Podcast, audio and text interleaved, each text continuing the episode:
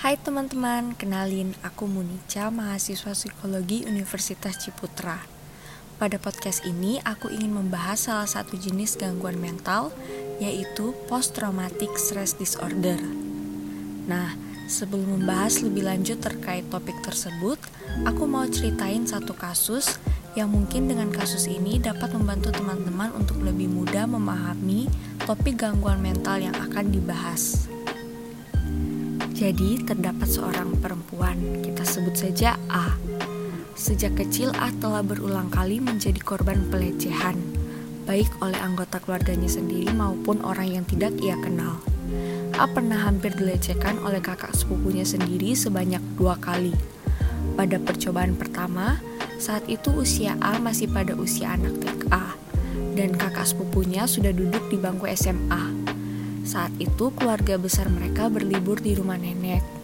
Awal mulanya A diajak oleh kakak sepupunya untuk pergi ke kamar. Kemudian A disuruh untuk baring dan kakak sepupunya membuka celananya sendiri dan mulai bertindak untuk melakukan pemerkosaan kepada A. Saat itu A kaget, sempat terdiam. Kemudian sadar dan akhirnya A lari keluar kamar dengan pakaian yang sudah berantakan. Percobaan berikutnya dilakukan sang kakak saat hendak berpergian ke rumah nenek. Dalam perjalanan yang cukup sepi yang berada di daerah pegunungan, sang kakak kembali mencoba melakukan perbuatan keji itu dengan meminta A untuk memegang kemaluan sang kakak. A kemudian lari untuk mencari neneknya. Sejak saat itu, setiap kali A bertemu dengan sang kakak sepupu, A merasa marah. Pelecehan berikutnya dialami A dengan pelaku yang berbeda namun masih tergolong saudara jauh dari A. Saat A sedang tidur, saudara jauhnya memegang dan mengelus alat kelamin A. Saat itu A hanya pasrah dan tidak percaya dengan kejadian yang ia alami. Kejadian pelecehan berikutnya dialami A beberapa tahun kemudian saat A duduk di kelas 1 memasuki kelas 2 SD. Saat bulan puasa, A bersama teman-temannya sering jalan-jalan pada pagi hari. Suatu ketika saat mereka sedang jalan pagi, mereka diikuti oleh seorang laki-laki asing. Karena merasa curiga, A dan teman-temannya berusaha lari dari laki-laki asing tersebut, namun mereka malah dikejar. Laki-laki asing itu berhenti di depan mereka, kemudian menunjukkan alat kelaminnya sebanyak dua kali. Pengalaman dilecehkan kembali terjadi saat A duduk di kelas 6 SD. A mendapat pesan seksual dari orang yang ia tidak kenal. Orang tersebut terus mengirimi A pesan seksual yang berisi kata-kata kasar seksual hingga mengajak A untuk melakukan hubungan badan. Kejadian-kejadian tersebut membuat A menjadi takut dengan laki-laki, tidak bisa terbuka, takut jika berduaan dengan laki-laki, baik dengan teman, saudara, guru, dan kepada laki-laki mana pun, meskipun ia sangat mengenal dekat laki-laki tersebut dan menganggap bahwa semua laki-laki mempunyai nafsu yang mengerikan. Pelecehan yang dialami A memang terjadi saat usia A masih di bawah 14 tahun. Namun, kejadian-kejadian tersebut masih teringat jelas hingga A menjadi orang dewasa.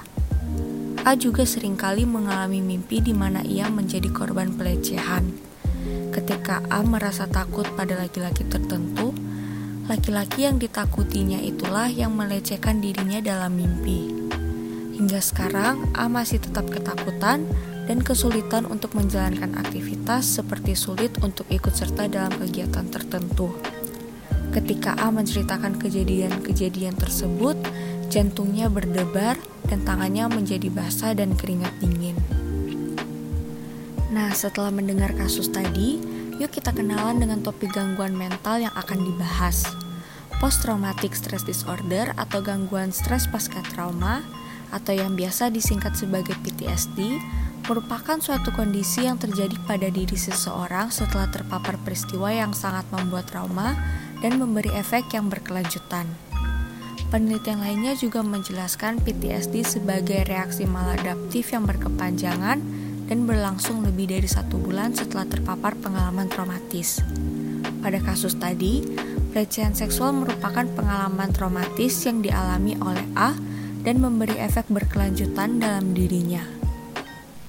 Sesuai dengan kasus yang diceritakan, A menunjukkan gejala PTSD berupa mimpi buruk, di mana A memimpikan pengalaman dilecehkan dengan pelaku yaitu orang yang ia takuti. Selain itu, gejala lain yang muncul yaitu rasa marah, rasa takut, dan kewaspadaan yang berlebihan terhadap pria. A juga menghindari stimulus atau hal yang memiliki kaitan dengan peristiwa pelecehan. Kemudian, A selalu teringat atau sering flashback tentang peristiwa yang ia alami meskipun sudah berlalu cukup lama. Gejala yang ditunjukkan A telah berlangsung selama bertahun-tahun setelah peristiwa traumatis pertama kali terjadi. Namun, Terdapat gejala-gejala lainnya yang mungkin dapat ditunjukkan oleh penderita PTSD yang tidak ditunjukkan oleh A, yaitu seperti kesulitan tidur, konsentrasi menjadi buruk, merasa tidak berdaya, menurunnya ketertarikan terhadap orang atau objek lain, merasa terpisah atau tersisihkan, serta merasa tidak mampu untuk mengalami emosi-emosi positif seperti merasakan kebahagiaan. Teman-teman tahu nggak apa yang menyebabkan PTSD? Nah, sesuai dengan definisi, PTSD dapat disebabkan oleh berbagai peristiwa traumatis. Pada kasus yang diceritakan, jelas bahwa pelecehan seksual merupakan peristiwa traumatis yang menyebabkan A mengalami PTSD. Pelecehan seksual tersebut langsung dialami oleh A, bahkan terpapar hingga berulang kali. Selain karena langsung mengalami peristiwa traumatis, PTSD juga dapat disebabkan jika penderita secara langsung menyaksikan peristiwa traumatis yang terjadi pada anggota keluarga ataupun orang lain. Peristiwa lainnya yang dapat menjadi pencetus munculnya PTSD yaitu peperangan, korban sandera atau penculikan, dikurung sebagai tawanan perang, mengalami penyiksaan, serangan teroris, kecelakaan kendaraan yang parah dan serius, bencana alam seperti gempa bumi, kebakaran hutan, banjir, angin topan, dan bencana alam lainnya. Selain itu, PTSD juga dipengaruhi oleh intensitas trauma dan kerentanan individu.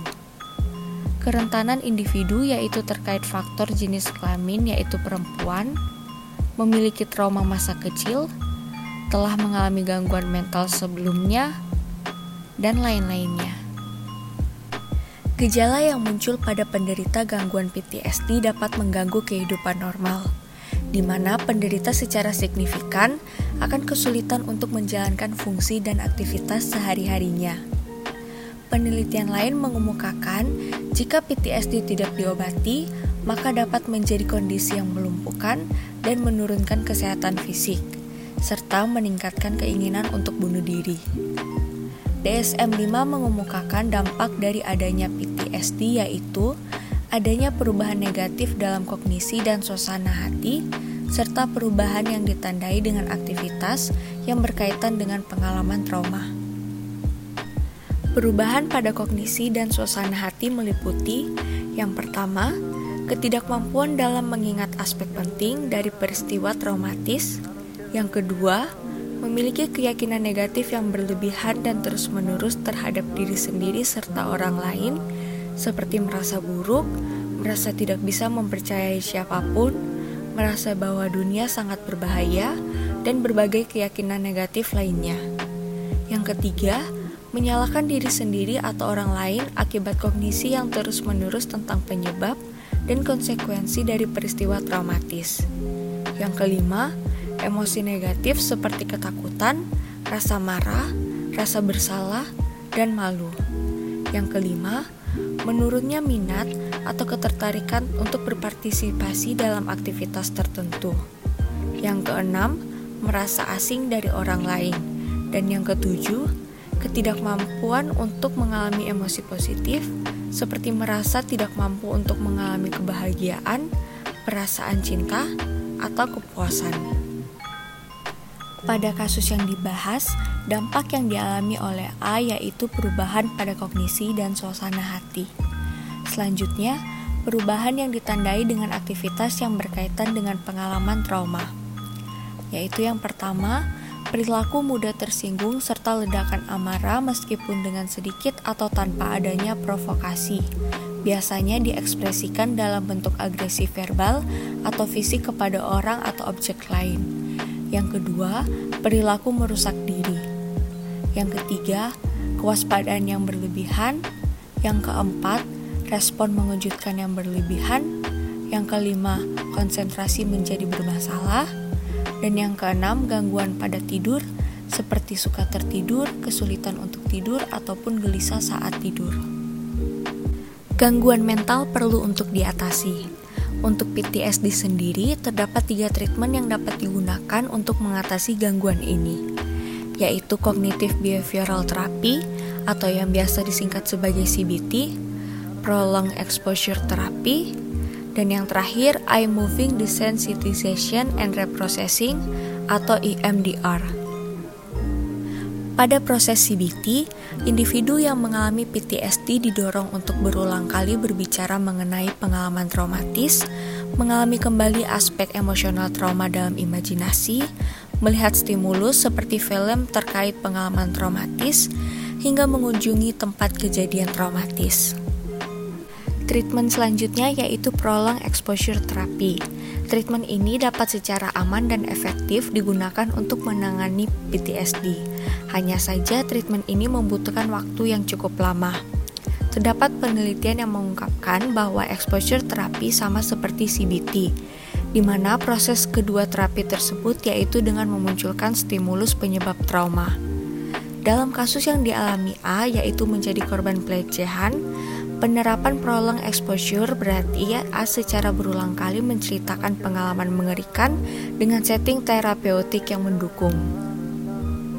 Treatment selanjutnya yang dapat menangani PTSD secara cepat dan efektif yaitu Eye Moving Desensitization and Reprocessing atau EMDR.